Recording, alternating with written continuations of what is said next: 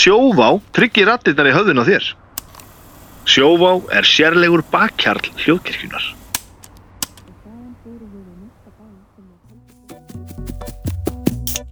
Sítrón frá öllu góskerð býður upp á þennan þátt. Banna að þampa, og banna að hlusta rætt.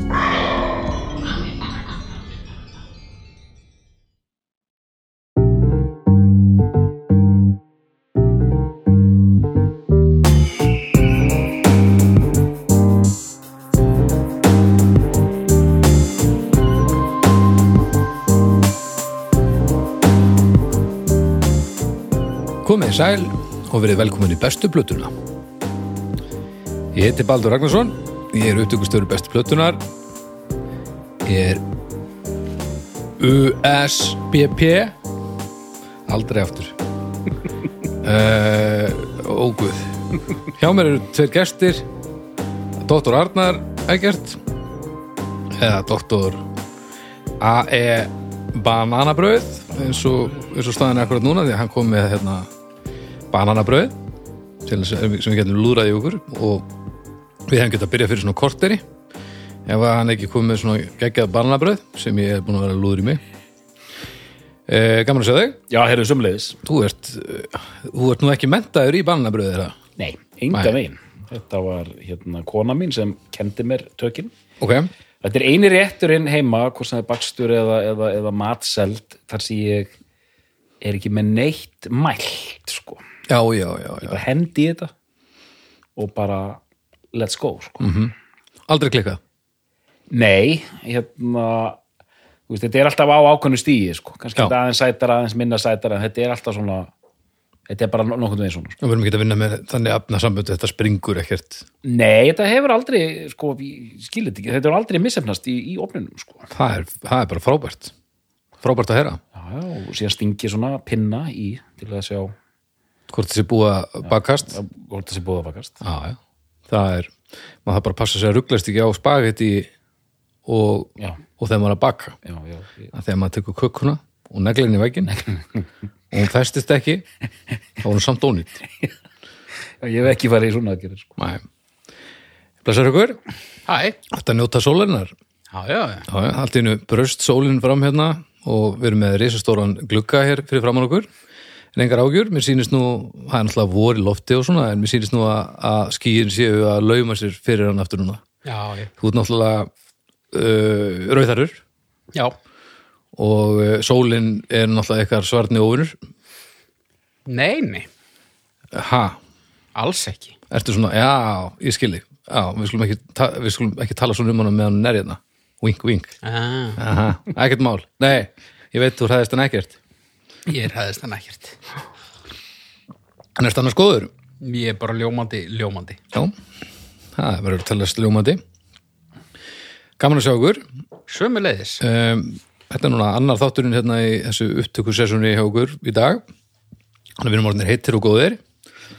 Uh, það verður bara spennandi að- sjá hvernig þessi þáttur fer núna. Já, Um, hann heitir Re... Nei, býtum við, í dag ætla ég að hérna, tala um bestu plötu Replacements. rétt. Það ekki? Já. Og mér var nú að hugsa svolítið til þeirra þegar þú varst að lýsa aðförum þínum við gerð bananabröðs. Það voru þarna ímis svona ímislegt sem mér fannst rýma við þeirra tónlistasköpun. Vá, þetta er, Ok. þetta er, þetta er flott brú, það er svona, þetta er svona eins og útvarsbrú. Já, ekki. Já, örgulega. Ef að er eitthvað til í þessu, það er.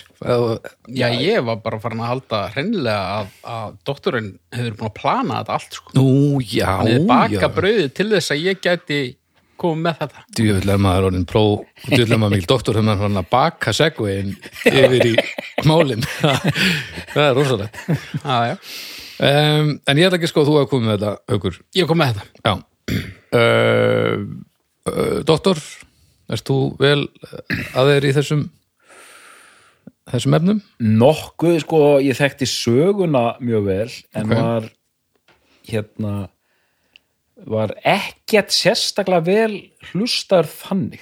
Ein Ok. plata sem ég þekki bara inn og út Ok, síðan svona hafði ég aðeins eh, þetta var meiri svona þannig séð skimanir með hitt sko og hérna ég átti alltaf tvær plötur það er hérna það er þessi plata Let It Be sem fólk er búið að sjá að var valin besta hljómsvættarinnar, ég átti þá plötu Mhm. og ég keifti hana bara sínu tíma þá var maður alltaf að kaupa maður heyrði, þú veist, já, besta platan með þessum þú veist, Unknown Pleasures með Joy Division, þú ert að kaupa hana þú ert að kaupa þetta með þessum, þú ert að kaupa þetta með innum mm. -hmm. maður alltaf að lesa einhver svona lista, kannski Rolling Stone 500 bestu plötunar og lalala Fórstu bara, fórstu bara náður í innkaupakerru og náður í 500 plötur bara? nánast, sko, Já, þetta var eiginlega nánast þannig, sko Ægilega, innkaupakerra. Hvar var þetta? Jappís. Já þetta, þetta var, þetta er svo fyndið sko, þetta var þannig, ég var svolítið svona naskur á það, bara ok, hvað ég, ég þarf að læra þetta og, svona, og þá var alltaf þessi plata, þetta Já. væri bara einhver geðveik svona neðanjarða rock, rockplata Svona og síðan neðan keipt það burðastólpi einhver. já, já, já, já, einmitt einhver algjör burðastólpi og síðan átti ég líka aðra plötu með henn sem ég fór oft reynd að komast inn í hana Mm. næst síðasta platan þeirra Don't Tell a Soul og það tókst aldrei sko, Já. bara fílaði hann ekki og ekki, ekki að þið reyndir ekki nóg, heldur bara, Já, ég bara, þetta er svona, þú fyndi maður alltaf, maður reyndi, gæti ekki, reyndi, Já. gæti ekki, síðan líður eitthvað og lí, leiti alltaf á plötuna, mér, ég er að miskila eitthvað, ég ætla að reyna einu svona enn. ætli mér sér batna. Já, ætli, já, nákvæmlega, þetta var þannig, sko. Já. En það tókst aldrei. Já, þetta er spennandi. Haukur, þín saga er aðeins öðruvísi. Já, sko, mín saga er í rauninni engin saga, sko og sko ég hef aldrei sagt doktornum að ég hafi valið Let It Be sem bestu blödu replacements Nú. þannig að hann er að draga hérna mjög glannalega álið ég viðurkenni það eins og það er, ég er búin að rausa mjög mikið um þessa plötu bara Í lífinu. gegn, gegnum tíðina og við hann og á Messenger og svona Já, já. þannig að þetta er sko e, e, e, fyrst að giskaði helviti gott gisk sko Já. en þú, þú gefur honum ekki strax, er það? Þó að hlustundur viti hvert þetta fer að halda honum í myrkurinu. Ég, ég, ég, ég kýst það. þú kist það Já. ok já já uh, þú stræða þér Nei, ég er, svona, ég er alltaf að ímynda mér að ég er búin að segja þetta og, og nú er hlustin hann alveg rugglar það var allt önnur plata hérna. Það er nefnilega svolítið spennandi. já Við skulum gera þetta svolítið. Já, já, gerum það. Rugglaðis í þessu. öllu en, en svona þú veist eh, við skulum segja statistíkin er með þér í liði sko Já, já, þetta, þetta er er lang mestar líkur á ég að vala hana Já, það er, mér finnst tvæ, það eru tvær sem fljúa ok Það er Tvær sem fljúa. Þessi flýgur mjög mikið en það Tim flý, flýgur líka Einmitt. Það er platan sem kom út á eftir þessari Tim. Tim, Tim, Tim fljóð líka. Tim flýgur líka Þessi flýgur líka mjög mikið sko. Ok. Ok, ég, ég er honum spenntur. Já, Uh, hvernig vil ég gera þetta? Er þetta, þetta er bara ég held að þetta sé bara kaos sko. já, ég held það það er, það er meta halda Já. uppteknum hætti bara? já já Gera replacements þátt kaos eru Já. þetta bara algjörlega beintengt í bandið sko. Mhm. sem var bara eitt mesta kaos band bara rocksögunar Ok. bananabrauð nýbylgjur oxis hérna Herðu, þá skulum við bara byrja á síðustu plötunni. Já, ég er ekki með söguna eitthvað í einhverjum miklum dítelum en, en sjáum hvað ég kemst langt Já. hérna sko, frægasta line-up þessar hljómsveitar, sko, þetta er við, við erum að tala um Minneapolis í Minnesota þetta eru samferðalangar uh, hljómsveitar sem doktorinn hefur mikið dálæta og við höfum tekið fyrir hér bestplötunni áður Mm. Huskerdu Huskarinn. þessar sveitir eru úr báðar frá þessu svæði og, og, og spiluðu saman á tónleikum og voru þú veist, þekktust er það ekki rétt hjá mér? jú, jú, ekki mikið hatur á milli Nei, það var var svona venjulegt samkeppnis Hattur. Já, venjulegt Venjulegt, samkeppnis venjulegt, venjulegt svona hattur í blandu við væntum þykju og virðingu. Já, Eit, eitthvað þannig að sko, í Manchester þegar The Fall og Joy Division voru Já. nákvæmlega sama tíma þar var mikil hunsun í gangi sko. það er Já. bara það er bara vildi bara ekki viðurkenna uh, það er vera til sko. Við erum magnaður og þessir eru bara auðlar.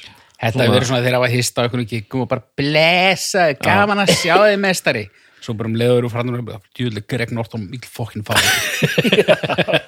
að bóttið uh, allavega Minneapolis, Minnesota hljómsveitin er stopnuð 79 af uh, Bob nokkrum Stinson sem er uh, lítgítarleikari í þessu svona síkilda line-upi. Og þess má geta ég eh, veit lítið sem ekkert þannig að, ok, þannig að ég þarf þið þurfa að setja mig svolítið vel inn í þetta.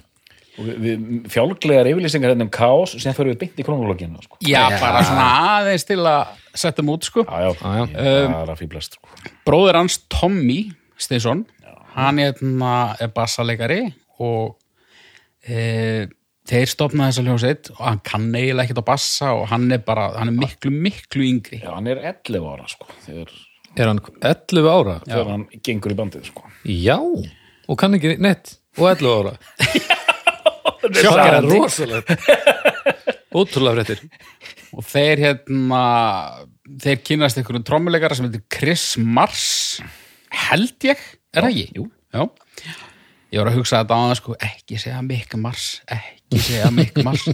Gerir ekki?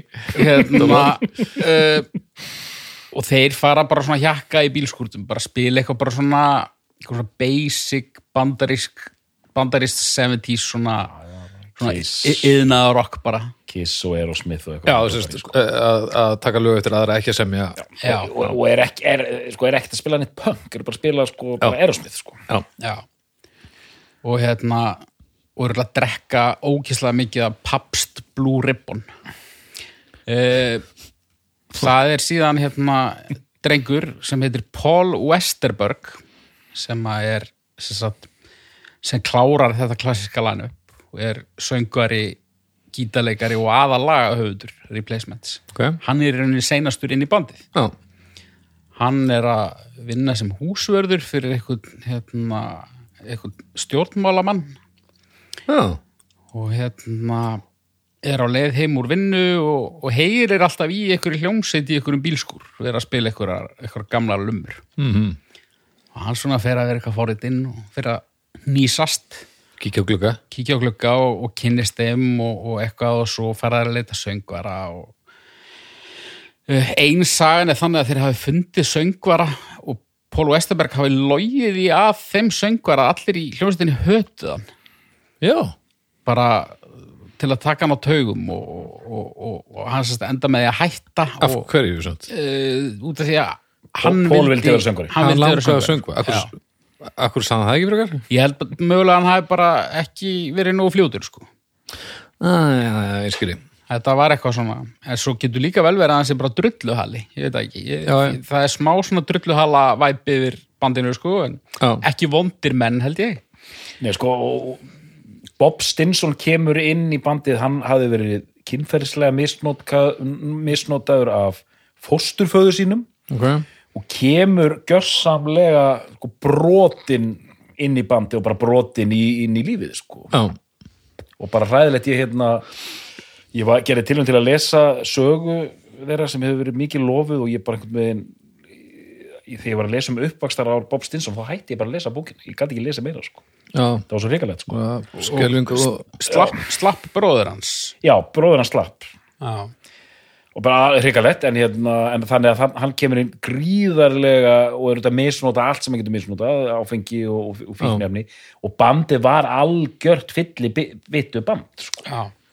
Já. geðveik neysla sko. Og svo sem sagt, 86 þá hérna, er hann rekin eða hættir eða eitthvað og hann verður eiginlega bara svona algjöru róni og deyr síðan 95, sko. Mm. En bróður hans bassalegarinn, hann síðan hérna, endaði bara sem bassalegar Guns N' Roses í, í einhvern áratug hérna, Já, já, late 90s. ok Uh, mér þykir ekkit ólíklegt að hann hafi verið á bassa þegar ég sá þá 2002 líklega uh, þannig að það rættist aðeins mér úr honum. Já, en já, þetta er sorglegt. Þeir allavega byrja og þeir heita þeir heita eitthvað dog breath eða eitthvað til að byrja með. Dog breath? Já. Já, og fara og, og sérst, Paul Westerberg Westerberg uh, hann hérna vá, nú er ég ókslega óviss. Er það Berg eða Berg? Bergberg ég segi alltaf Berg er er, er það skrifa Berg? Já, já. Ok. Pól Vesterberg. Allt í nú fór ég efast. Þetta verið B-U-R-G Já, ég held það í eina sekund segjum bara börg. Já. Uh, Með Paul Ö. West. Ö. Hann heitir það.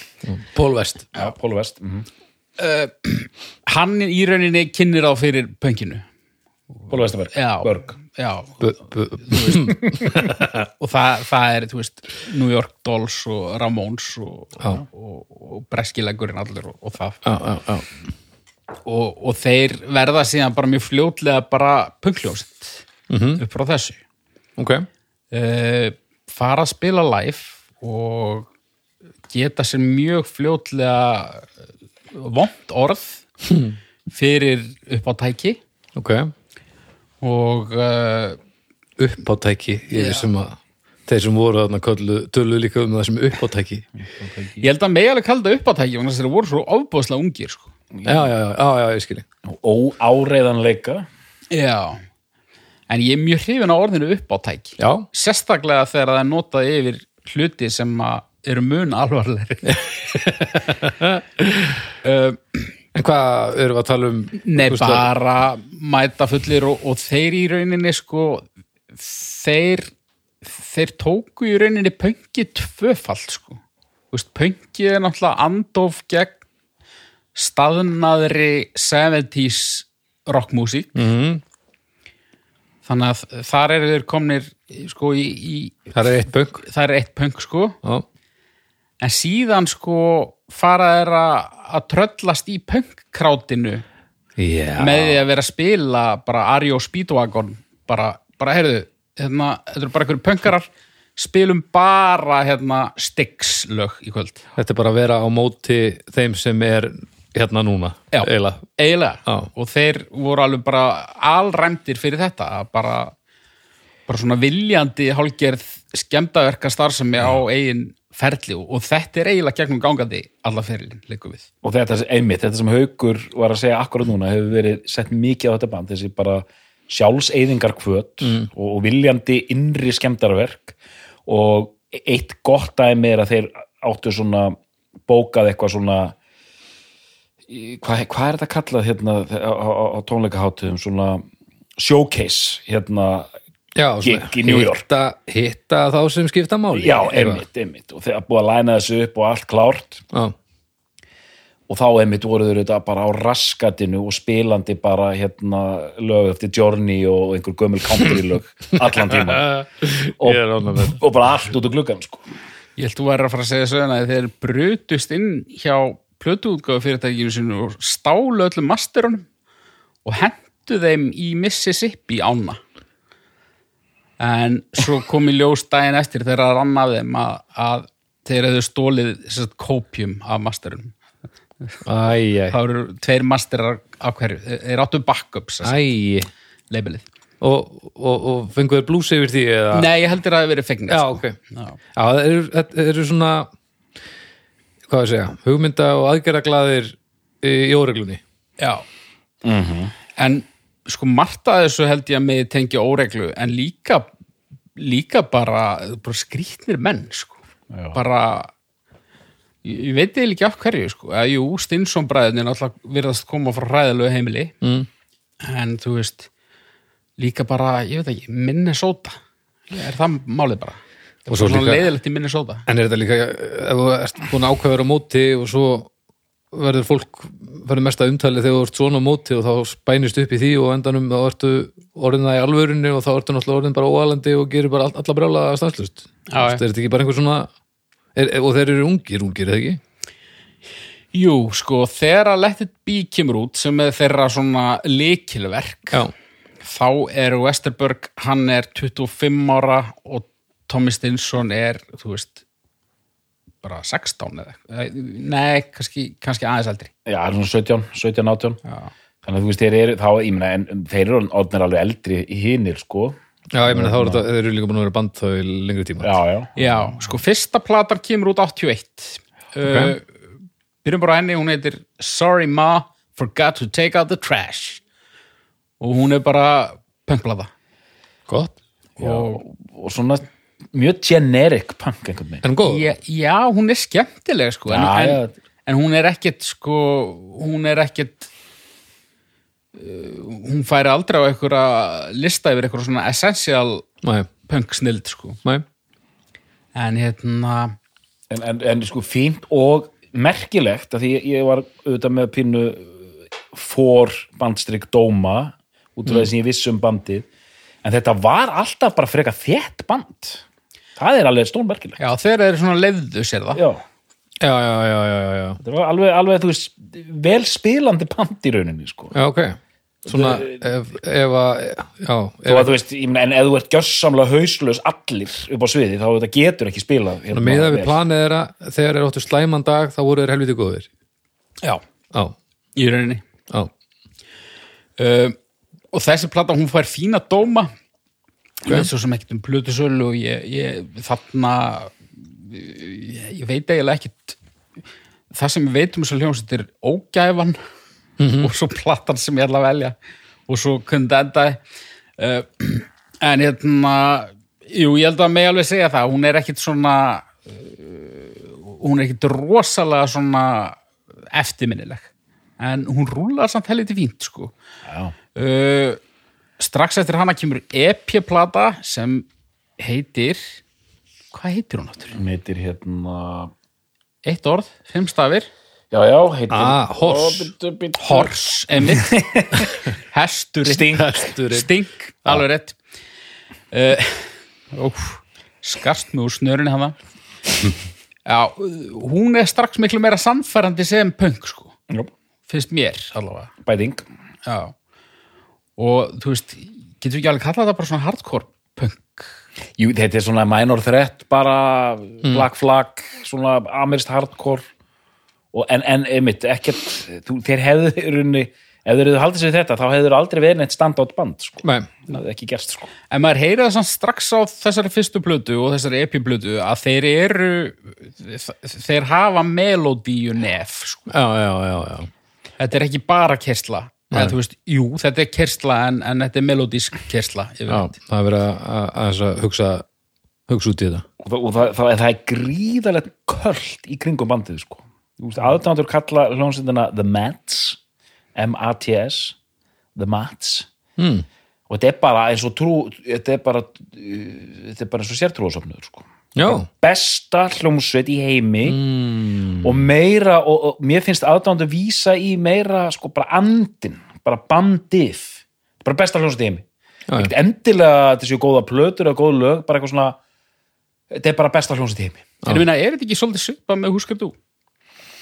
já, en svona ekki sko Kannski ekki það sama. Nei, húskettu er svona, það er venjulegri aðdáun, það er verið að uh, vísa í plötunar og lögin og eitthvað svona sko. Mér finnst, mér hefur fundist alltaf þessir aðdándur eins og uh, nafniðin Haukur hérna sem hérna er styrði greipvæn lengi vel Akkurat. Hann er svona, já, hann bara gjörsanlega dýrkar þetta. Og þá er alltaf að spila þessu sko, mér hefur fundist það þessi andi í kringum bandi, hvað þetta var þeirra svona afstafa til bransans og eitthvað svona sko. Já, Húsker sé, er meira svona nördalegra einhvern veginn sko. Já jú, ég kaupi það alveg. Uh, Og The Mats var það var einhver uh, einhver enga húmór út af því að hérna Mískilningur, placemats. Já, þeir eru kallaðir The Placemats einhver staðar, ég veit ekki hvort þeir eru kynntir þannig á svið eða eitthvað. Já, já, já, já. svo var það stitt í The Mats.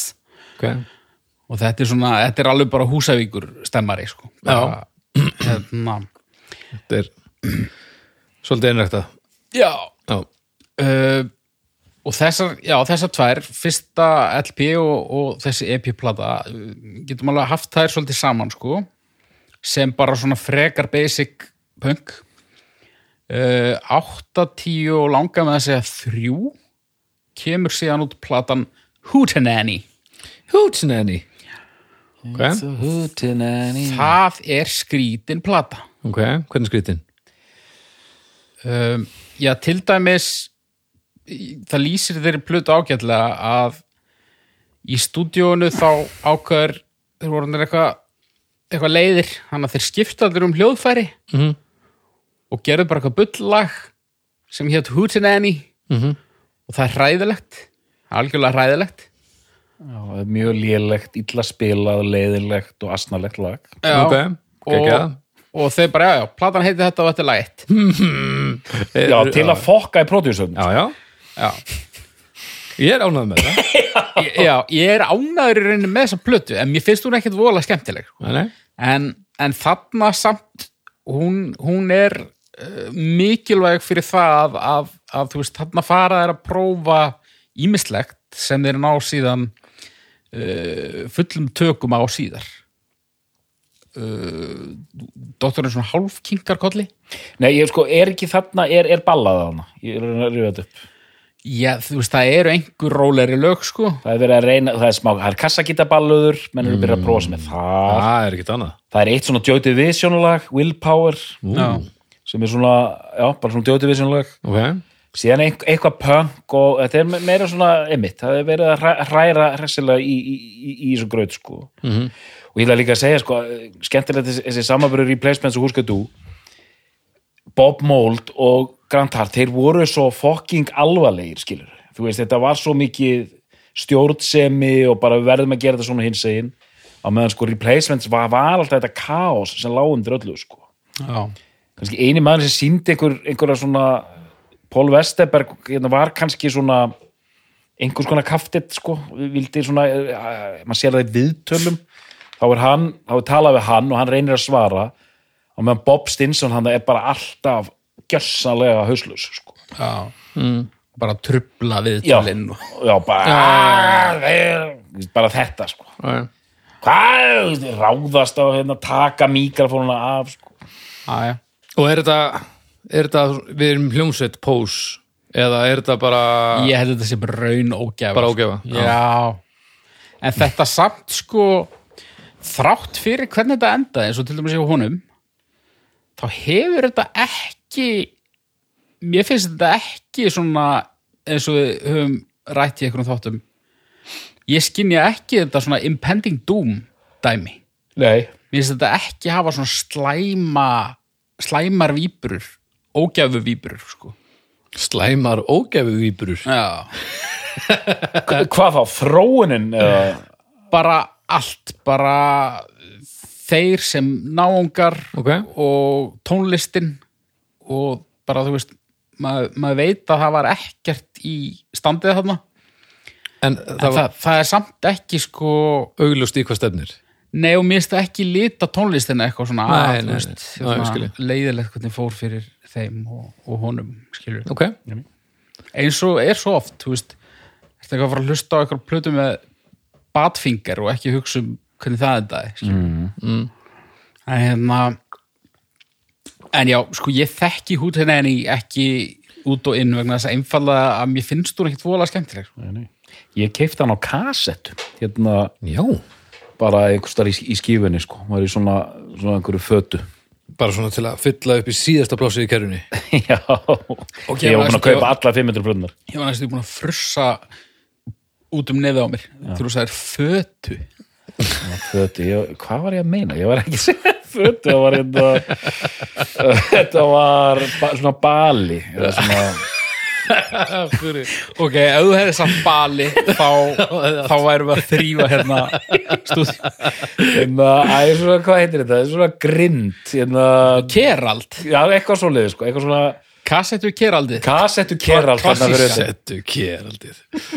Mjög gott, mjög gott. Já, já, já, hérna, já, hútin hann í þeir eru að taka upp hútin henni Verður var við snild á hútin hann í? nei, eiginlega ekki sko. Nei, ekki grunur um snild. Nei, en, en svona hafandi hirt uh, setni plötur sko þá heyri maður svona græðlinga sko. Já, en nei, ég heyri ekki snild sko en, en það eru margir sem heyra snild. Já, já. og Ég heyr hann ekki sko. Nei, og kannski er þetta svona eina af þessum plötu sem maður þarf bara aðeins að gefa mér í tíma. En hérna, þegar þeir eru í rauninni bara að klára upptökur á þessari plötu, mm.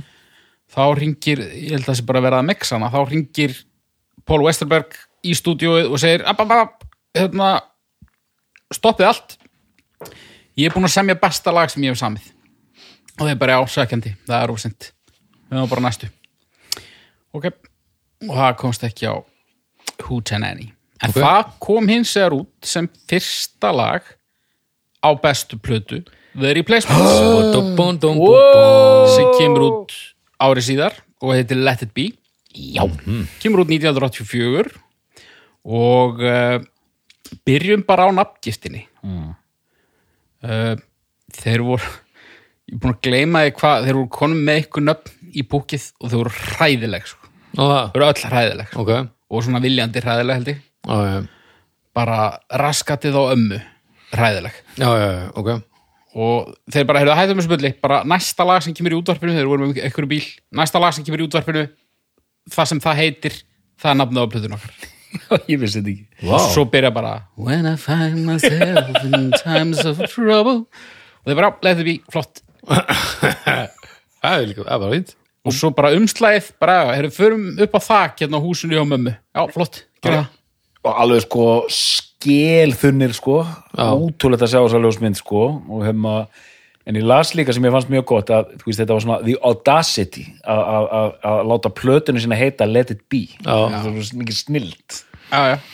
og þeir voru næstum því lasi eitthvað staðar búin að láta Tim heita Let It Bleed sem hefði verið ógeðsla en hérna já, þetta hús þarna það, það er núna bara eitthvað svona bara fólk mætir þarna bara og pósar fyrir framann húsið og, og þau sem búa þarna núna þau eru búin að setja eitthvað svona eitthvað svona hálgert altari þarna upp á fólk getur sest þannig niður.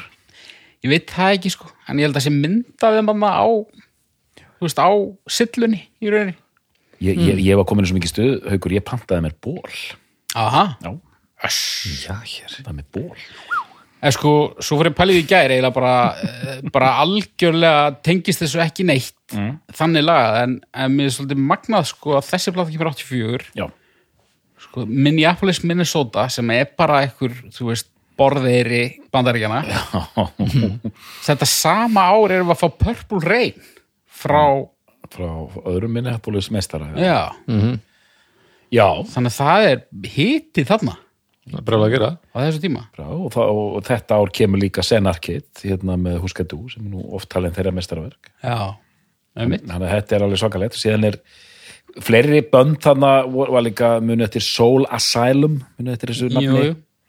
það er Minneapolis band líka sko. Það var svona grönns band Já, já, eða svona stukku á gruggvagnin dálítið sko. Já, og já, mann ekki eftir því af þessu Minneapolis en, en, en, en eins og segir, þetta er þetta er ekki Los Angeles eða New York eða, eða, eða þetta er dálítið aðeins pínuborðiris element í gangi hann sko.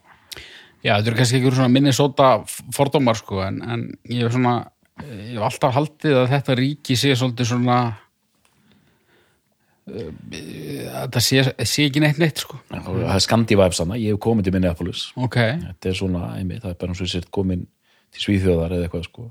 Ok Minneapolis Vikings, nei Minnesota Vikings segi ég, hérna, hérna ameríska Heyrðu, var það ekki liðið sem ég valdi mér þegar þú skipaði mér um daginn að velja mér uh, Ég maður ekki. Fótboltalið? En það, Þeir eru bara svona Mjö, ég fyrir hana, það er ekki verið en hvað hana Já. Baldur sem sagt skipaði mér að velja mér lið í, í ameríska. fótboltanum. Já. Ég valdi að sjálfsögðu Minnesota Minnesota. Vikings. Já. Já, það, og það geta verið það. Hva, með hvað liði heldur þú? Buffalo Bills maður. Já, já, já, já. Ég fór til Niners sko. Það er frá Buffalo, Cannibal Corpse. Er eitthvað meira? Vangir Já, endir, held ég. já. Uh, Já, let it be. Let it be, sko. Já, sko Mér lang Eigum við að fara í gegnum hana lið fyrir Já. lag fyrir lag. Ég held það Því þessi plata, ég, ég kefti hana hana ungur að árum ég fílaði hana sko. Ég nam snildina. Ég nam hana. Ok, Já, þú hefur verið að hlusta á þetta alveg bara einhverjum áratugum áður en ég kvekta á þessu sko. Þú veist, þannig að Don't Tell a Soul, það gekk ekki en Let It Be, ég alveg já, þetta, þetta er gott stoff. Ég sko Þetta er plata sem ég hlustaði ógeðslega mikið á svona einhver tíman upp úr 2000 já, og hef síðan tekið svona rispur í gegnum tíðina og alltaf haldið mjög mikið upp á hana af hverju byrjaði að hlusta á hana? Ég hef að veita það ekki sko. það er góð spurning Geisladiski, Uh, já, já hana eitthvað stóra diski sko mm. ég man að þegar að uh, Colin Meloy úr Decemberist skrifaði bók um þessa plötu mm. þá hafði ég hlustað á þessa plötu. Ok, en þá var ég ekki orðin þá var ég ekki orðin hugfangin af þessari plötu. Ok. Hún hjálpaði alveg pínu við það sko. uh, ég veit man ekki hvernig þessi bók kom út sko. geti verið 2005 eða eitthvað. Er þetta 33 eitt þriði bók? já, Okay. og ég á hann eitthvað staðar og ég fann hann ekki. Þannig að hérna, ég get ekki verið það er ekki hægt að saka mig um að vera hérna páagauka bara upp úr þessari bók sko. Nei, nei, nei. ég þurfti að nota ímsa kanala til að til að fræða mig um þessa hljómsitt út af því að ég er rauninni vissi að óbærslega lítið um þessa hljómsitt nema bara uh, Let it be og Tim er plötur sem að ég hef hlusta mikið á í gengum tíðina frá því datin í þetta Var, já, en var það í gernum Melloy sem þú svona það, það var svona þegar ég las þessi bók þá þá uh, hann bara svona seldi mér hann svolítið. Bara ok, þú veist, ég var ekki að heyra þetta þegar ég hlusta á þessa blötu en, en ok, og svo þegar ég klára hana var bara ok ég er að fara að tekka betur á þessar blötu því að ég er alveg seldur. En mér er svo já, svo bara eh, einhvern veginn sko ég held ég hafi keft þessa plötu 88 sem er bara svona mitt year zero í hlustun. Og maður er bara eitthvað svona, ég fíla svona nýbylgjurokk, ég þarf að kaupa meira nýbylgjurokk er að leita tilbaka, hvað er svona klassíski nýbylgjurokks vörður? Já, þessi plata, Let It Be með replacements. Og mér fannst eins og ég var að kaupa eitthvað úr svona ancient history. Já, platan var fjara á gömul sko. Já. Og svo er það náttúrulega líka bara nafn sem að maður hefur heyrt flekt gríðalega oft. Þetta er, þetta er eitt af þessum hljómsveitum sem við höfum rætt um hérna sem að, hljómsveitina sem að maður fílar þær fílar replacements Já. rosalega oft já, ok, ok, og hérna- ertu með eitthvað þannig dæmi? Nei, Nei, í rauninni ekki. En þú veist, maður, maður heyrir það samt. Já, já. eins og þannig komaði kannski betur á eftir en, en maður heyrir, maður heyrir nirvana fræ þannig já, já. Mjög greinileg. Uh, og, og, og það það er merkilegt að Husker og Replacements eru á sömu, sama vagni. Báðar byrja þannig séð sem punkljónsveitir já, á mjög ólíka vegu reyndar. En báðar fara út í þetta hérna í kringum hann 84-85 eru þær byrjar að hefla út svona meiri melodíur, meira rock meira pop, rock pop einhvern megin og hérna en já, en húsker fara samt ekki í píanóballöður sko. Nei, það gerist í rauninni ekki fyrir en sko bandið er í rauninni hætt. Það gerist ekki fyrir fyrstu sóloplötunni hjá Bob Mold, þá er komið meira svona píano og strengir og, og byðlur og hérna og komið eitthvað svona svona smá folkmúsík sem Vesterberg var eiginlega byrjaður upp á löngu á undan sko, hann er eiginlega byrjaður á því. Hann er farin að lauma inn svona varðelda ballöðum svona, svona doldið sko. Já, En já, eh, eh, greinum aðeins plötana, ég hlakka til sko I Will Dare fyrsta lagið það er, og fyrsti singullin og, og eini singull Já, ok sem er eða fáránlegt sko. Mhm, það jú. er fáránlegt að og það er alveg í, það eru fimm singlar að það myndi ég segja uh, já, nú, Við þurfum að tala dálítið um þetta lag sko. já þannig er þinn maður mættur Peter Buck, Já, R.E.M. gítalegari hann tegur spila sóló. Já, ok. Gítarsóló ok, ok, hann spilar einmitt ekki mandólínið Nei, sem hann þandi síðan ansi hressilega þannig að senna með R.E.M. Uh, þetta er svona bara ég, ég, hvað er þetta? þetta það er alveg pínu svona R.E.M. mörmör. Fílingur, já. Fílingur. Þetta er algjört svona college rock. Algjört Þetta er fallegt lag þetta er melodíst þetta er mjög vel samið lag grípum hann alveg sko. Já. Mér finnst þetta, ég, ég, ég hugsa alltaf fallegt sko, mér finnst þetta svo, ég fæ eiginlega bara tár í augun ef ég er þannig leikur á mér þegar ég hlusta á þetta lag sko. Já, ok. Fallegu texti þetta er svona ástarteksti sko. Meet me anywhere, meet me any place I will dare if you will dare. Mér finnst þetta að vera svona unglinga ástir sko. Já. Ég hef aldrei upplegað þetta lag sem fallegt Ok. en ekkert sem ljótt sko. bara sem meira bara svona bara svona stemmari sko. Já, já, þetta er svona töffara töffara gangur þetta er svona þetta er alveg alveg korter í bara langasela eða eitthvað Já, já. uh, Ok, geggjalag. geggjalega, en maður heyrir það samt strax að þú veist það er alveg pínu falskur gítar í sólóinu og hann er pínu að syngja eins og drulla og þeir veit ekki alveg hvernig þeir eru að klára lagið og það fær bara að slæða Já. Og hann er, með- hann er með svona hásasöngröð, sko. Já, Og hann greinlega fór og söng sína parta bara í hvaða ástandi sem hann var þann daginn greinlega, sko. já, já. Það er ekkert verið. nei Það er ekki bara fyndið það? Jú, það er mjög fínt og það er ógeðslega flott. Þú Veist, það er það lag hann að við komaði setna þar sem sko hann getur ná- nánast ekki sungið það og það er þetta snildin við það, sko. Já, já. Ok, uh, Lag 2 Favorite Things heitir það það ekki? Favorite thing? Favorite Thing, Thing. Já. Uh, Skemmtilegt lag Já, ekkert ósvipað. Nei. Það var Aðeins hraðara kannski. hraðara og svona meiri gítar svona grotti. Meiri grotti, sko.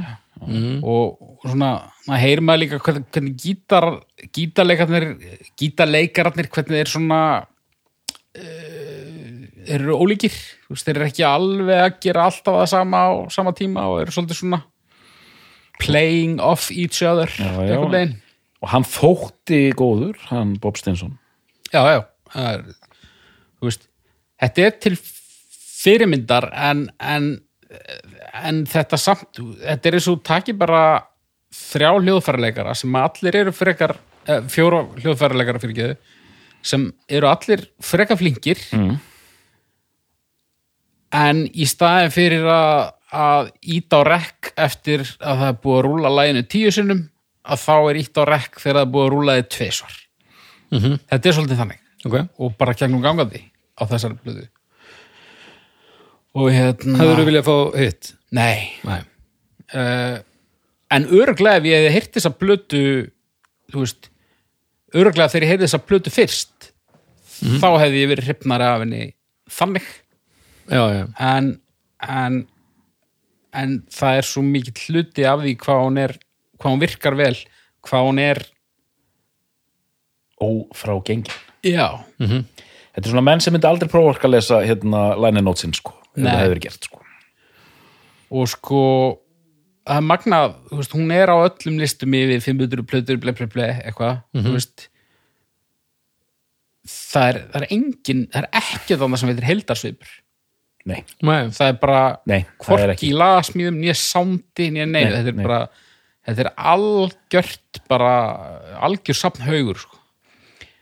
Uh, Lánum með þrjú We're Coming Out, það er sennilega fyrsta lagi sem ég heyrði ég hef örgulega heyrt þetta, ég hef verið að downloada einhverju bara einhverju af netinu upp úr aldamótum Audio Galaxy. fengið þetta í einhverjum punk Einhverjum pakka. einhverjum punk compilation dæmi sko Já. Jú, ég held það Uh, það er allavega fyrsta lagi sem ég heyri og, og, og ég man núna það er að rifjast upp fyrir mig bara, bara hér og nú að það var fyrsta lagi sem ég heyrði og ég man hvað ég var hissa þegar ég heyrði síðan fleiri lög sko. Já, ég skil. og því það er svo mikið punk sko.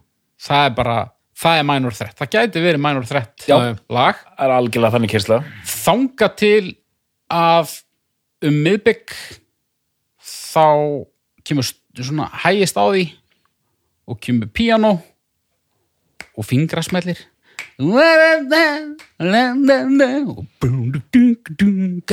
og byrja bara eitthvað svona, eitthvað svona swingandi píanó Já. grúf og svo svona hleðst alltaf meir og meir á það og svo hraðast á því aftur og, og það verður aftur skítapöng sko. Það er ógeðsla flott lag Og endar einhverju kási, sko. Ok, næs. uh, lag nummer fjögur það er hérna það er það er prototýpan af Bleach með Nevermind. Nú, Með Nirvana, já. Mm M- sagði með Nevermind? Já. hljóðast er Nevermind sem gáð plötur og Nevermind Bleach. Bleach, já. já, já. djúðu voru þeir góðir. Ég voru gægir uh, Tommy got his tonsils out. Mhm. það er fíblagangur Nú, já. Já, hreinn. Hvers slags? Það fjallar um einhvern tannlækni sem er að drífa sig að laga tennunar í einhverjum þannig að hann komist í golf. Já, og þetta er bara svona þú veist þetta er svona uh, punktaktur og svo þú veist, helmingastan í versónum og svo verður hann aftur hraður. Og svo þetta lag er undir tveim mínútum sko. Já 1.53 og, og, og einmitt, þú veist, er, er ekkert lag á þessari plötu sem endar í rauninni almennilega Nei, nei. þetta er bara einhvern veginn bara Hvað er allt saman út bara? Já, Já. þetta er, við, við komum að mjög góðu dæmi á eftir ja, sko. uh, þá eru konur að píanóbálaðinni uh, held ég hérna Androgynous. Androgynous. Já, Androgynes það er nú rosallag sko. Það, það er í rauninni bara Paul Westerberg einn að syngja með píanói og svo er, heyrir maður í einhverjum burstum Já, og þetta er bara svona eins og einhver maður að spila á bara eitthvað svona kúreka píanó árið 1890 eins og þetta sé tekið upp í næsta húsi sko. já, Heyr, rosa heyrist svona fjarlægt sko. mm. draugaleg stemning sko. okay. bara svona frekar falskt píanó sem er annar staðar heldur en mikrofónin Já. og þetta er, þetta er mjög flott lag sko. Þetta er geðvegt lag sko. Okay. mjög svona flottur andi í því sko. og hefur verið bara coverað af alls konar liði uh, Joan Jett uh, sett á plötu Já, uh, Miley Cyrus tók þetta með Laura Jane Grace Okay. og þetta hefur bara farið aðeins í viða þetta lag Okay.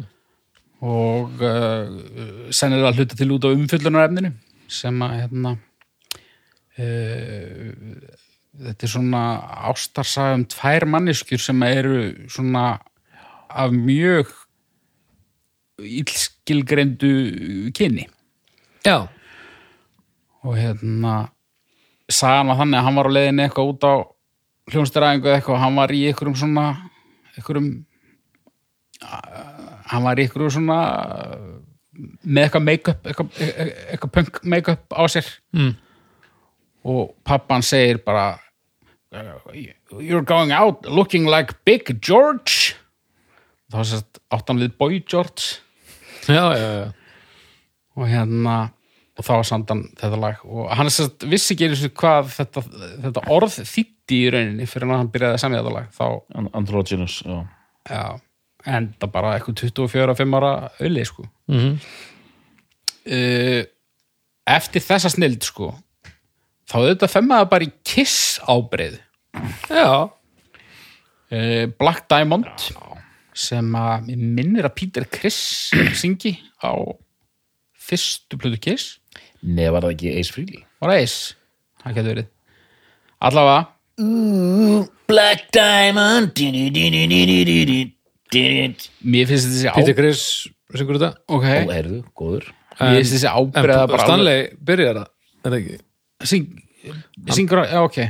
Já, ég, ég þekki þessa útgáð eiginlega mun betur sko. Stanley álægið Já, og hvernig, já, mér finnst þessi, mér finnst þetta geðvegt sko. já, já, þetta er flott hjá þeim sko. Þetta er vel Þeir- gert. þetta er mjög vel gert og sko þeir hafi ekki einu sinni fyrir því að pikka gítariffið upp alveg eins og það er sko það er, er bara, er þetta ekki svona? Jú, eru klart Þetta er nógu svona Já, jú, mér minni það Þetta getur vel verið svona Þú veist, upprunalega riffið er en þeir gera bara hvað bara þetta er svona, þetta sleppur svona 82% rétt Miklu meira nóg ég sá að þú horfðir á skjáin er, erum við ykkur vandræðum hérna? Nei, Nei, við erum ekki vandræðum. poppaði bara svona upp eitthvað. Þetta er bara eitthvað í tölvun að segja Hei, mundu mig. Já, Já, Það hefur ekkert með að gera sem við erum að gera. Og þú veist, ég ætla ekki einu svona að segja að þetta, það sé skrítið að hafa þetta lagana þess að það er engin það er engin rökrétt framvinda á þessari plötu sko. Næs uh, síðan snúðu plötinu við snúðuplötum við Ú. og þar er uh, lag sem heitir Unsatisfied. -hmm. það er líka svona uh, house uh, house söng performance það, þetta lag er þetta er eiginlega bara upp á halds replacements lagið mitt sko. hérna, ógisla flott lag. Ógeðslega flott lag, sko, hann syngur mjög hás og mjög bara veðraður í röndinni sko. Og melodían er og flutningurinn er bara þetta er rosalegt sko að heyra þetta. Þetta er ógeðslega flott. Hann geltir er. Já, hann bara svona alveg bara alveg farinn sko hérna. En Þetta er svona eins og Tom Waits nema ekki viljandi? Þetta er eins og Springsteen. Ah. nema uh, þú veist, eftir að það er nashyrningu búin að Já, næstuði drepan gatan. Já, og, og þá, þá, datt, þá fattaði ég allt í einu og, og datt niður á það að hérna lægið, þetta er geðvett lag en lægið er ekki klárað. Það er bara, það vantar alveg að semja þetta er ég að segja sem kann ekkert. Mm. ég, ég, það bara, það vantar það hefði mátt hendin í eina brú. Kantar við sumt? Ha, Bananabröð ég, ég bara svona, það vantar endanlega og hérna og ég var, ég, ég var með það mikið niðri fyrir. Ég var með hérna, makkarinn með hérna á línunni og ég sagði hérna, hva, ég, ég sagði þetta fyrir töðunum maður geta að klára leið þetta lag hérna Unsatisfied, þá segir aukur myndur þú segja að þú værir ó, Og fullnægður ó fullnæður yfir þessu lagi Arnar já, já. Já, já, þetta, þetta, er, þetta er allt samkvæmt plani sko, og djöfull, djöfull heyri þið segja þetta höfður en bara svona fyrir fórvitinnsakir hafið þið eitthvað skoða hversu margir internetkilometrar þetta messenger spjall ykkar er orðið? Og mm. eigið þið einhvers önnur samskipti? Já, þú veist, við tókum vídeokvöldum daginn. Já, alveg rétt, já, já við Ekki hittumst, annað við hittumst reglulega í barnaðumælum líka. Já, Já, hvað, hjá einhverjum sem þið þekkið já. Gott Já, mjög við- stutt saga reyndar. Við fyrir ekki tveir saman Nei, á bara- sunnudegi að hérna Bara mjög gott. þefa upp barnaðamæli Það er bara mjög gott. En já, þú veist, en allan, já, lægið bara já, en, en samt geðurlag getlag og sko þarna kemur þetta finnst mér þetta Heartland element mjög stert inn sko sem er hugtak sem ég hef bara aldrei skilið en ég samt heyrði það þegar það er sko hmm. Heartland Rock, kottur nú með smá lærða greinum Heartland Rock hérna í bynni hvað hérna, sko ég skil pælingun á baka það, þú veist, þú ert með einhvers konar location, þú ert með einhvers konar umfjöllunarefni og framsetningu.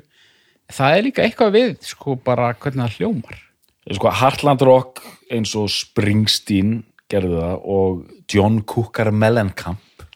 Þetta eru svona gaurar þetta er svona smábæjar romantík einhvern megin The River með Bruce Springsteen er bara nánast einhvers konar hérna kjörmynd af Heartland Rocki okay. Þetta er eitthvað svona ameríski draumurinn, amerískur hverstagsleiki, Johnny að hitta hérna Angie hérna út á hotni og við ætlum að krúsa niður göttuna eitthvað svona umfjöllunareflin er eitthvað svona hverstagsversmiður romantík bandaríkjunum já. Og músikin þarf að vera svona við getum hent Tom Petty í mixið sko.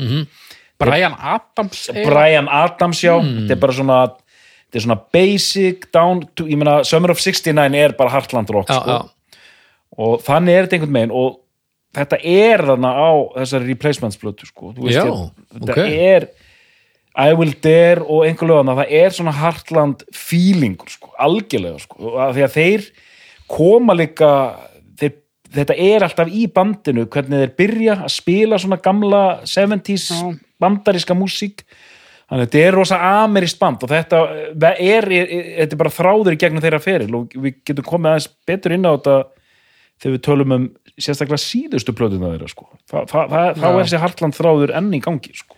En sko, ég vil jafnvel halda því fram að ég myndi heyra þetta þó að sko öll lögin fjöldluðu bara um bananabröði sko. já, ég skil, Þannig ég að skil. það, það er eitthvað við bara já, bara fílingin feelingin sko, ég meina þú tekur lag eins og Summer of 69, þú veist Já, það já. hefur öll elementin og bara öll sömu elementin og eitthvað lag með einhverjum öðrum sem að, að þú veist, það er bara eitthvað við hljómagangin eða eitthvað, ég veit ekki hvað það er sko. Ég er bara mann ekki eftir að hýrt þetta hugtak öður. Nei. Þetta hljómar svona eins og þeir eru að útskýra þetta, þetta er bara svona, Þú veist, ég svona meina- menn eins, og, eins, eins og Bon Jovi ég, ég er ekki vissum að hann sé mikið flokkaður hann en hann er samt eiginlega með öll Brian Adams elementin og, og einhver Springsteen element en Já, já. það er samt svona er, þetta er eitthvað svona þetta er eitthvað svona ljúfsárt uh, hopeful Jú, það er líka svona, það er svona broken dreams element í þessu öllu, sko. Mm. Og líka mitt hérna, Summer of 69 er bara mjög gott dæmi, það er svona, að því það er sama, þetta er svipað textu og Born to Run og allt þetta, sko. Svona kærastu par í einhverjum ömulu krummaskuði, dreymir um betri tíma og, og sen er hent inn svona amerískum minnum finnst mér alltaf, sko. Líka bara, mér finnst Hartland Rocky, svo ég tækið úr sámdinu aftur, bara plötu umslegin og svona Já. það er alltaf einhverju gaurar sko í gallajökkum og þú veist John Cougar Mellencamp hérna standandi við einhver svona hlið að einhverjum búgarði eða eitthvað leika sko. Já. og þú veist menn eru fannir að hnusa af einhvers konar country jafnvel líka sko. Með svona síkartupakkar svona vafin inn í, í ermina á bollum já, já. það er svona en soundið er bara svona þetta er bara svona Tom Petty og allt þetta, hvernig sound er þetta? Þetta er bara svona rock and roll. Já. Basic rock and roll sko með ég veit það ekki Þetta heyrst allavega hana og, og það er alveg rétt þeir, na, þetta er svona þetta er ekkit fullkomið lag það er ekkit lag þarna fullkomið en, en uh, það er einhvern veginn þetta virkar samt allt, ég veit ekki af hverju ég veit ekki af hverju það það fer ekki í töðunar á mér að þetta sé ekki betur frá gengið mm. mér finnst þetta svona mér finnst þetta líka ekki vera svona pródúserað mér er fokk sama Nei. mér finnst þetta bara vera raunverulegt mér er sama sko Og samt veit maður að, að getan er til staðar til þess að gera þetta á hins einn. Já, Já. algjörlega Já, það er, þá, þá kemur romantík með þessu. uh, I've seen your video heitir það ekki Bara Það er- senior video. Já, það er svona semi-industrial ekki industrial, alls ekki það er svona semi-instrumental Semi-instrumental.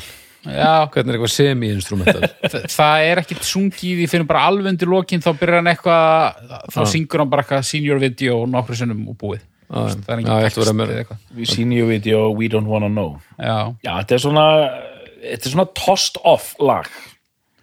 Já, örglega bara örglega bara það var bara ekki búið að semja texta við það og bara já, höfum við bara með. Ég syng bara eitthvað, já, þetta er fínt skilur Já, já, já. Þetta er svolítið bara svona. Já uh, Skemmtileg lag uh, Þaðan yfir í sísta lagið á plötunni en besta, besta laga titilinn samt Mm. uh, Þetta er hérna Holdris Garðars Já. Gary's got a boner Gary's got a boner. og hérna Einmitt, þetta kemur þess bara eitthvað svona fáralögur grunnskóla húmál sko. Þetta er um Nugentinn. Já, þeir, þeir gefa Nugent kredit hann út í þetta er eiginlega bara Caskrats Fever riffið. Já, já, bara svona frekar léli útgáfa því. Ok. uh, alveg allt er lagi lag sko. Þetta er bara eitthvað fíbla gangur sko. Já, já. Um, og þá eru tvö lögu eftir, ekki satt Mm, jú, 16 Blue, 16 Blue. næst síðasta Já. það eru aftur komin í, í, í hjartalendur Mm. rólegt svona pínu television jafnvel mm. uh, bara smekklegt lag sko hef ekkit svo sem mikið um það að segja Ok.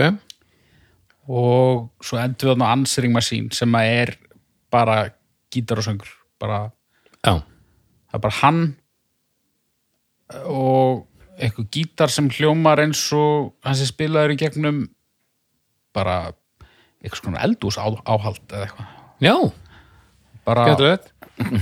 og mikil þrá í röddinni Já, já. hvað var þetta? How do you uh, eitthvað how do you eitthvað eitthvað To an answering Two an machine Answering Machine Eh, hann samtið dóti, hann var í einhverju fjárbúð þannig með kæristunni sinni og, Já, já, það er- það er mikil tilfinning í þessu leið sko. Já, já. Og já, Ég er í sungið um tilfinningar. Bara ó, mér finnst- það lag geðveikt sko. já, já, snildalag og mér finnst eitthvað svo ekstra næs að hann sé bara einn það og mér finnst það svona, það svona symbolismi. Og alveg örglega ekki einu sinni viljandi sko. þú ert eitthvað einn að tala um eitthvað símsvara.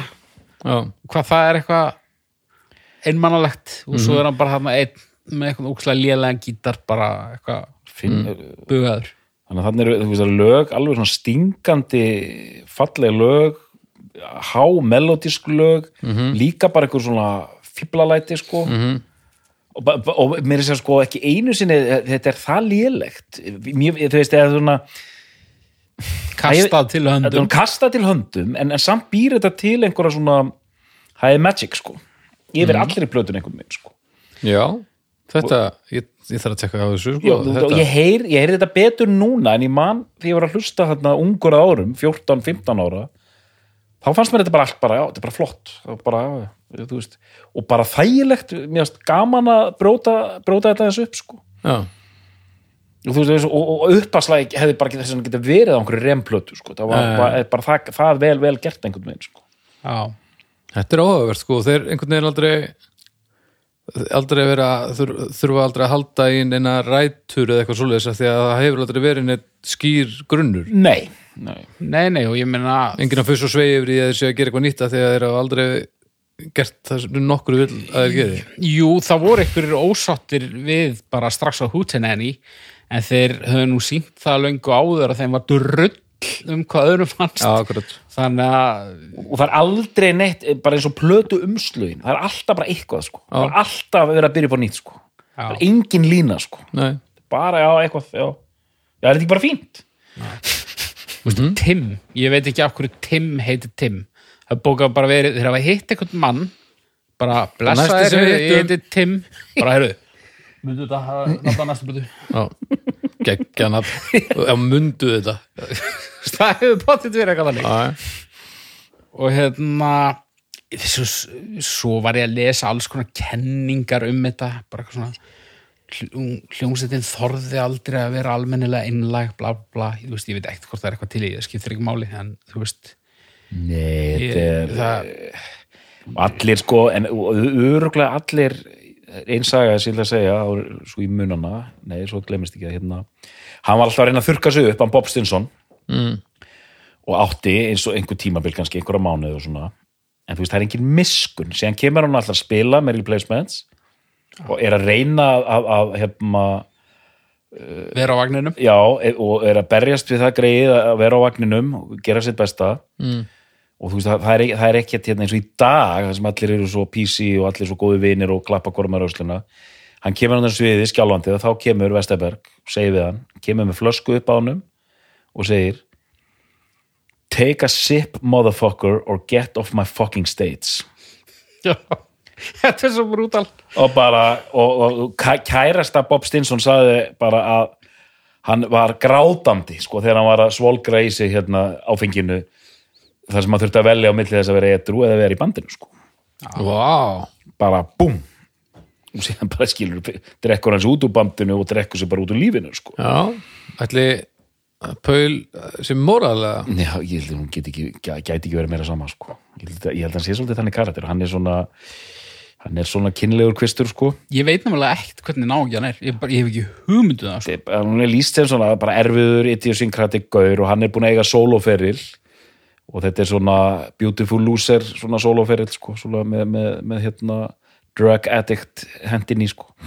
já um, já, ok en Let þú it be. veist, en hvort sem hann er með móral eða ekki þá, þú veist ég las þessu sög og ég hugsaði bara djöfusis, fuck face er þessi ná ekki sko. en svo bara, ok, nei veist, hann var 20 og eitthvað já, já, þetta, er- 5, þú veist það er ekki tala þú veist, þetta eru bara, bara strák gemlingar. Bara með fullri virðingu fyrir ykkur þannig úti sem eru 25 ára. En þú veist, ef að þið byrjuðu ykkur hljómsveit þegar voru 11 ára og eru búin að vera undir áhrifum áfengis í áratug og, og eru bara 25 þið eru ekkit bara að fara að taka frábærar ákvarðanir held ég sko. Nei Nei, ég, já, samt 25, það er alveg slatti sko Já, já, Þetta er, þetta er óhefbundi næfi, það er rétt já, já, þú veist eins og- eins og Joy Division þeir voru kringum tvítugt og þeir viðkendi það sem var bara og, og er ennþá, þeir töluðu það var aldrei bara, heyrðu, Ian hvernig líður þér? nei, nei. Líður illa eða? Nei, það er fa- menn fara ekkit í þetta, sko þú veist, ég var ekkit að pæla í neinu þeirra á 25 ég var samt alveg orðin 25 meðast ég úkslega gamall en ég var svona hlutum, maður var bara í öðrum hlutum skilur. svo eru sem sem eru 25 ára sem er að pæla í bara svona hlutum skilur. Þú fór, fórst ekki heim til alla og fengst jú að þér heimilega hans Nei, ég var voða lítið í því sko. en þú veistu þetta er þetta persónubundi en, en þú veist ég veit ekki ég, ég hefði alveg 25 ára uh, geta sagt við eitthvað sem var edrú bara, "Hey, hvað, ætla ekki að drekka eitthvað? Ég hef kannski ekki gert þetta en Nei, veist, skilji En, en þetta, þetta er skrítið sko með hljómsveitir eins og hljómsveitir mín, Mönir ég talaði aldrei um hvernig þetta ætti að vera en ég reð og ég hefur örugglega verið mjög eh, svona stjórnsamur sko. Já, það var aldrei orðað neitt það er bara svona, þetta á bara að vera svona og bara, þetta er bara svona. Ég þekki ekkert af þessu sem er að nei, ok, Nei, þetta er einhvern veginn það er alltaf allt ég man eiginlega voru lítið eftir ég að hlutir hafi ekki verið sæður uppátt sko. Bara í vinahófnum reynilega og það var auðvitað, jú, einhverju hlutir sem var bara en heilt yfir, ég meina, að bara tala um hlutina. Það var, það, það, ég þekki það ekki sko. ekki heldur. Ekki fyrir bara uh, 30 pluss sko. Já. Já, bara þegar við flyttum inn saman. Já, Já, verðið er að góðu, haukur. Já, maður er bara að tala við eitthvað bara æfa fornan vinsinn bara já, heyrðu, þú, ert þú búin að vera að glíma við svona í 25 ár? Það er sem að geta þessi það. alli sem að Arnar var að tala um á hana, það var semst alli húnakonungur því að haukur er svo fucking gaman varst að tala um alla já, já, já uh, Allavega uh, Gengur plata, segirðu? Og þið. Já, já. og þið, þið segir báðir já, æði. Og uh, þarna, býtum við, þarna er samt alveg fullt eftir. Já, Já, já. við erum ekki að renna út á tíma hérna. Jú, ég, Já, Tim, veist- er Tim ekki bara 85? uh, Tim er 85 já, sko, Tim uh, sko, Tim er 85 og þá er á að fara að sjoppa með þá, svipað og hérna húskeir, Já, Major Label. Já, hvað Sire eða eitthvað? Já, eitthvað svolítið sko. Sí, síðar Sú plata ég, ég, ég, ég, hérna, ég ætla að fá að segja þetta það er hérna punk la, la, la, la. Let it be svona the sweet spot af því að ég heyri strax á Tim sem er fín plata mm. en þá, nú er menn farinir að poppa sig, er að verða of góðir. Já. Hún er nefnilega drullu fín sko. Flott plata. En hún er ekki ja, skemmtileg sko. Nei, það vantar menn er að verða geldir sko. Já, menn eru líka bara orðnir hérna, 27 náttúrulega. Að það er ekkert skrítið að þetta sé búið. Þú veist þeir hljóma eins og þeir viti pínu hvað þeir eru að gera. Já, og Já. það bara er skrítið fyrir svona miðað við það sem á undan er gengið sko. mm, En þarna eru slagarar sko. Hérna, Bastards of Young er að þessari blötu er það ekki? jú, jú Kiss Me on the Bus. Já, þetta eru fyrsta lagið, hvað er þetta fyrsta lagið? Hold my life. Hold My Life, geggjalag, geggjalag Þetta eru svona anthems sko, svona Svo er- college rock anthems. Svo er hérna swingin party. Já, það er svona eitthvað ballballaða, mjög eitthvað flott. sem er hægt að velja allavega þannig ég rekna með að sé eitthvað. Og sko, og einmitt og hún er alveg svona út um allt plata líka eins og Let It Be, það er alls konar strömmar og stefnur í gangi og, og þetta er rosalega hræri grautur. Mm. en hún er bara ekki jafn svona kaotísk. Það, þetta er ekki alveg jafn svona þetta er pínu útpældara held ég. Já, alveg hárið og Bastards of Young er svona, þetta er svona epistaldið, þetta er svona leikvanga rocks materiál sko. Já. En mér finnst hún alveg svona ef ég gef Let It Be fullt hús þá erum við að tala um þarna alveg bara svona svona 8,8 Já, já, dæmi sko mjög skemmtileg. Samanlega sko. En ég, ég Let It Be er eina platan sem ég svona kann bara eins og stára við sko. Ég, ég get ekki talið upp öll uh, lögin á Tim eins og ég var að gera það síðan kemur Pleased to Meet Me og það er ekkert ósvipað það er, en hún er aðeins verri en hérna Það er Tim. 87, tvö ára milli. Þá er þetta og, a, a, þetta er alltaf að verða meira og meira bara svona, raff, svona, svona gljá, gljáðara og þarna er Bob Stinson ekki. Já, hann er farin út úr bandinu sko. Þetta er að farin það er komin einhver annan á ekki sem maður hvað heitir síðan kemur 90 kemur plata sem heitir Don't Tell a Soul. -hmm. það er þessi plata sem ég var er alltaf 89 89, það er platan sem ég var að glíma við. Uh, það er svo merkilegt hún er með rosalega, og þið þekki þetta betur strókar, sem ég segi alltaf þessa setningu þegar ég höfða til ykkur sem tónlistamanna mm. hún, 89, hún fær rosalega svona flata það er rosalega flatt mixið mm. mjög late 80s flatt, brottalaust clean mix þannig að hún er svolítið dauð hvernig hún sándar okay. og það döið að 2019 var hún endurútgefin undir nýjum titli uh, undir nafninu Dead Man's Pop þar sem gaurinn sem hérna, tók þetta upp mm. endurmixar hann og uh, hún hljómar í dag hérna, Dead Man's Pop er miklu meira aðlagandi að því að meiri hráleiki, meira líf og bara lífrætna mix sko. Ok. og ég festist álið í henni sko, og að bara fíla þetta nokkuð vel en enga síður bæði á Don't Tell a Soul og síðustu plötusveitirinnar All Shook Down sem er, var eiginlega bara svona Vesterberg soloplata þá er þetta að verða bara skuggulega mikið bara AOR bara algjört útvast pop sko. já. ok. Og þeir hætta 91 og 2 Já, hvað, síðasta platan segði 90 Já. All Shook Down. Og ég var að lesa um síðasta giggi þeirra. Já, að þá sem sagt þeir eru fjórir og svo sem sagt, fer einn að síðinu og sem sagt, e, gítartekkin tekur við og, og svo næsti og það endar með því að það eru fjórir rótarar sem að taka síðasta lagið. Vá, og þeir eru bara farnir. Vist það svo ekki þetta wow. það er nokkuð gott. Var bara skipt um mannskap. Já, bara Búið, búið. Bara, Stundum. bara rótararnir eftir. Stundum er þetta búið en sjaldan er þetta svona búið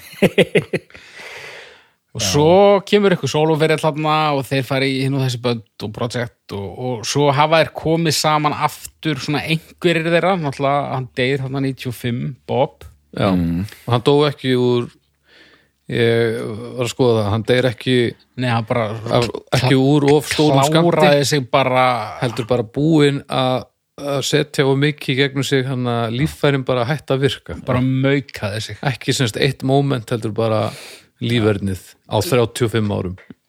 Hann var 35 árum svakalegt sko. Já, hann- þetta er rosalegt sko. það er já, hann er staðið vaktina. Og þeir að teki eitthvað tónleika þeir tóku eitthvað gig þá var sko Billy Joe Armstrong með þeim og Josh Freese á trommur. Ok, mm. Tó, tók ykkur á nokkur tónleika. Svo, þú veist svo tilkynntu þeir að vera byrjaðar aftur og það kom aldrei neitt og eitthvað. Svo allt í upplótaðir einu lagi á SoundCloud og það er 24 mínútna eitthvað djallag þú veist, þetta er allt svona. Og bara síðast er það, er það ég, ekki leðilegt? ég hef ekki heyrt það sko. síðasta sem ég heyrði var bara þeir bara, já, já, við hefum örgulegt að gera eitthvað eitthvað tjón en þú veist, Maður, ég sá svona YouTube-klippur það var einmitt árin, það var eitthvað la- replacements að spila Basta So Young 2015, 2005 bla bla bla og Vesterberg alltaf bara hemmt í þetta þannig að það er alltaf það er einhver eftirspunni eftir þessu greinlega já, já. þetta er eitthvað svona legendary band sko og hefum að já. já. já, bara gaman að þessu hmm. já, ég heldur sem bara að fara slakkur í uppgjörin nema að sé eitthvað sem þið viljið kannski koma mér langar það að kannski á við komum aðeins inn á byrjun, bara rétt aðeins hversu Já. mikilvægt band er þetta fyrir músík fyrir tónlist í dag mér finnst þetta vera sko þetta er eiginlega mjög áhrifa mikið band, miklu meira heldur en hérna einmitt, þetta er svolítið svona the musicians musicians dæmi sko. Og hérna name droppað fyrir sko kannski eru tónlistamenn svona hrifnir af þessu að þeir, þeir voru alltaf með sko fokkmerkið á loft einhvern megin sko mm. um, og hérna og bara ef ég með svona clean sögu af þessu, þú veist, replacements tók alveg jafn mikið þátt og húsker og fleiri í að búa til þetta alternative rock sem var síðan til í 90-sinu sko -hmm. þetta eru svona brautriðendur hvað það var sko. Þannig að færa þær okkur meira attitude og, og að vanda sig en haldi kæruleysi frekar en kannski einhver ódöðlega listaverk sko. Já, Já. og ef ég myndi, ég, ég- ég myndi alltaf segja að replacements voru miklu meira cool heldur en Husker Du af því að replacements voru svo careless sko. mm. það er svo flott, þetta hispursleysi er svo flott sko. Já, og þetta hljómar eins og þið talið mér eins um að það er það sem þið munið eftir þessu og þið eru að koma inn í þetta bara einhvern tímann sko. já. Og þú veist, mitt bara öll þessi bönd sem nefna þá sem áhrifavalda, hvort sem maður heyrir það eða ekki, sko. Þú veist, mér finnst ég heyra það innir í vana, til dæmis. Já. En ég hef uh, lesið svo mörg viðtölu ykkur að listamenn sem að tiltaka þá sem áhrifavald, það sem að ég bara, hmm. Og ég ég myndist hérna áðan á Laura Jane Grace, sko, bara alveg klárlega. Against Me er náttúrulega alveg kortir í Hartland, já, já, uh, þú veist, Courtney Love Let It Be er uppáhaldsplatarinnar í öllum heiminum. Uh, og, og líka bara hérna, útgeislunum á sviði, þetta var mjög töff band. Vesterberg er með bara svona svona rock gott look sko. Mm. er í þessum hérna flannelskirtu og með hárið út um allt og bara töffari. Húsker sko, Bob Mold lítur út eins og pípulagningamæður skilur við og hérna, hún er fáranlegt lúk mm -hmm. replacements voru töff sko. Já, já. Bannað er ævi langt uh, frá Saturday Night Live. Nú, Já, þeir, klikaði? þeir átt að spila og þeir hrundu í það baksviðs með leikarnum Harry Dean Stanton. Já, einhver aðlutur ekki í Paris, Texas? Já, og þeir voru bara óspila hæfir þeir mæta og taka bara eitthvað drull. Já, sko, þegar Bob Stinson var að lappa upp á svið, þá datt hann í, í ganginum og braut gítarinn sinn Já. þannig að hann þurfti að fá einhvern lánsgítar hann á síðast, síðasta og voru bara bara too on, intoxicated til að spila, sko. Já, gerðu það nú samt. Tók bara eitthvað drasl og sögðu öllum að fokka sér og bara, já. Allt í betni og Já, ég, allir stuði. Já, já, já, og ég meina, svo sér maður bara í 90-sinu, bara, þá er þetta bara standard, bara láta banna sig á einhverju já, já. Veluna hátíð, sko, og Já, þeir voru líkt fyrstir, en, þú veist, En, en Nirvana mitt pikkaði þetta daldu upp, þetta bad boy dæmi, sko. Já og Nirvana örglur ímsum áttum, en, en, ákvaða náttúrulega svolítið að en hafa þetta þannig maður svona, Já, já, já. Að meðan þetta hljómar ekki eins og þeir hafi ákveðið neitt þeir hafa bara verið alveg Nei. alveg, alveg grillaðir. Það var bara, bara eitthvað sko. Og, og, og samt eru þeir reynd að sjoppa það á, á, á, á, á hérna, stórt merki sem er gert en það bara, þú getur ekki það er engin leið að hérna, halda þessu teinunum sko. Nei, nei, þetta er ekki það ég, þetta er einn af þessum þáttum sem ég held að ég muni nú fara aðeins á, á stúala Já, í gott. þessu. Þetta, Gott- gott að heyra. já, mér finnst svona svona nálgun á hérna að málinn finnst mér sérmennandi. Gera bara eitthvað. Sjá til svona fyrir utan það að þegar menn kála sér í ferlinu en allavega. Herri, uppgjör. Uh, við skulum byrja á þér uh, doktor. Uh, sem sagt replacements, mikilvægt band frábært band og þessi plata sem við var stilt fram hérna, Let It Be ég er sammála sem sagt auki um að þetta sé besta plata replacements. -hmm. og þar kemur þetta einhvern veginn allt saman. Þetta er, þetta er ennþá nægilega rátt og, og vitleisislegt og sérmennandi en það er fyrir að glitta í bara virkilega stert svona melodíu næmi sem einhvern veginn býr til þess að töfra á þessari plötu. Þannig að þú veist uh, mér finnst þetta ekki spurning að því að strax eftir, eftir plötuna byrjar svona eh, hérna, byrjar að verða ó-replacements-leir ef ég má nota það fáránlega orð. Takk, takk fyrir mig. Haukur? Já, ég, ég er bara ígilega búin að klára mig, sko, þetta er uh, ég tek undir þetta allt saman þetta er svona sweet spot og, og svo hefst mjög uh, smávægileg hnignun hann á Tim uh, en svo bara raun hnignun eftir það uh, mér finnst þetta þessi plata hún ætti í rauninni ekki að höfða svona mikið til mín sko. þetta Ok. er hérna þetta ég ég, ég fíla uh, ásetning Mhm. og fókus í tónlist Já, þú fílar ákvarðanir Já. og þær eru hvergi sjáanlegar þannig Nei, þetta ljómar um mitt ekki þannig en hérna en það er bara einhver það er einhver fílingur hann sko. ég, ég, ég kann bara ekki að útskýra það hvers vegna ég kann svona vel við þessa plötu en hérna en ítreka það þó að sko, ég er eiginlega meiri aðdáandi þessarar plötu heldur en sko eh, heldur en hljómsveitarinnar í rauninni, þú veist, ég, ég elska þessa plötu já, já, já. og ég, ég, ég fíla Tim mjög vel. Þess- þessar þessi fyrsta er skemmtileg. Mhm. en þú veist, hútenni fyrst hundleðileg og, og plöðunar eftir Tim bara svona, ég seti þetta voðasaldan á fónin En verður sér aldrei til skammar í eftirleiknum? Þetta verður bara svona í rauninni ekki sko. Ekki til skama kannski að þetta verður bara alveg leiðilegt sko. Já, já, það má. Já, það, það, veist, það er engin döðsend svo sem og, og já, varandi bara áhrif þá bara alltaf uh, trúa því sem doktoru var að segja hérna. Ég ég hef aldrei pælt neitt mikið í því sko, en, en þau, þau hljóta vera ykkur svona uh, ef við tökum miðið af þeim sem uh, nefna þá sem sína áhrif á valda. Þannig að já. Þannig að Haukur Er þetta besta plata The Replacements? já, Dóttor, er þetta besta plata The Replacements? Já, Við þakkum fyrir í dag og við heyrumst að viku liðinni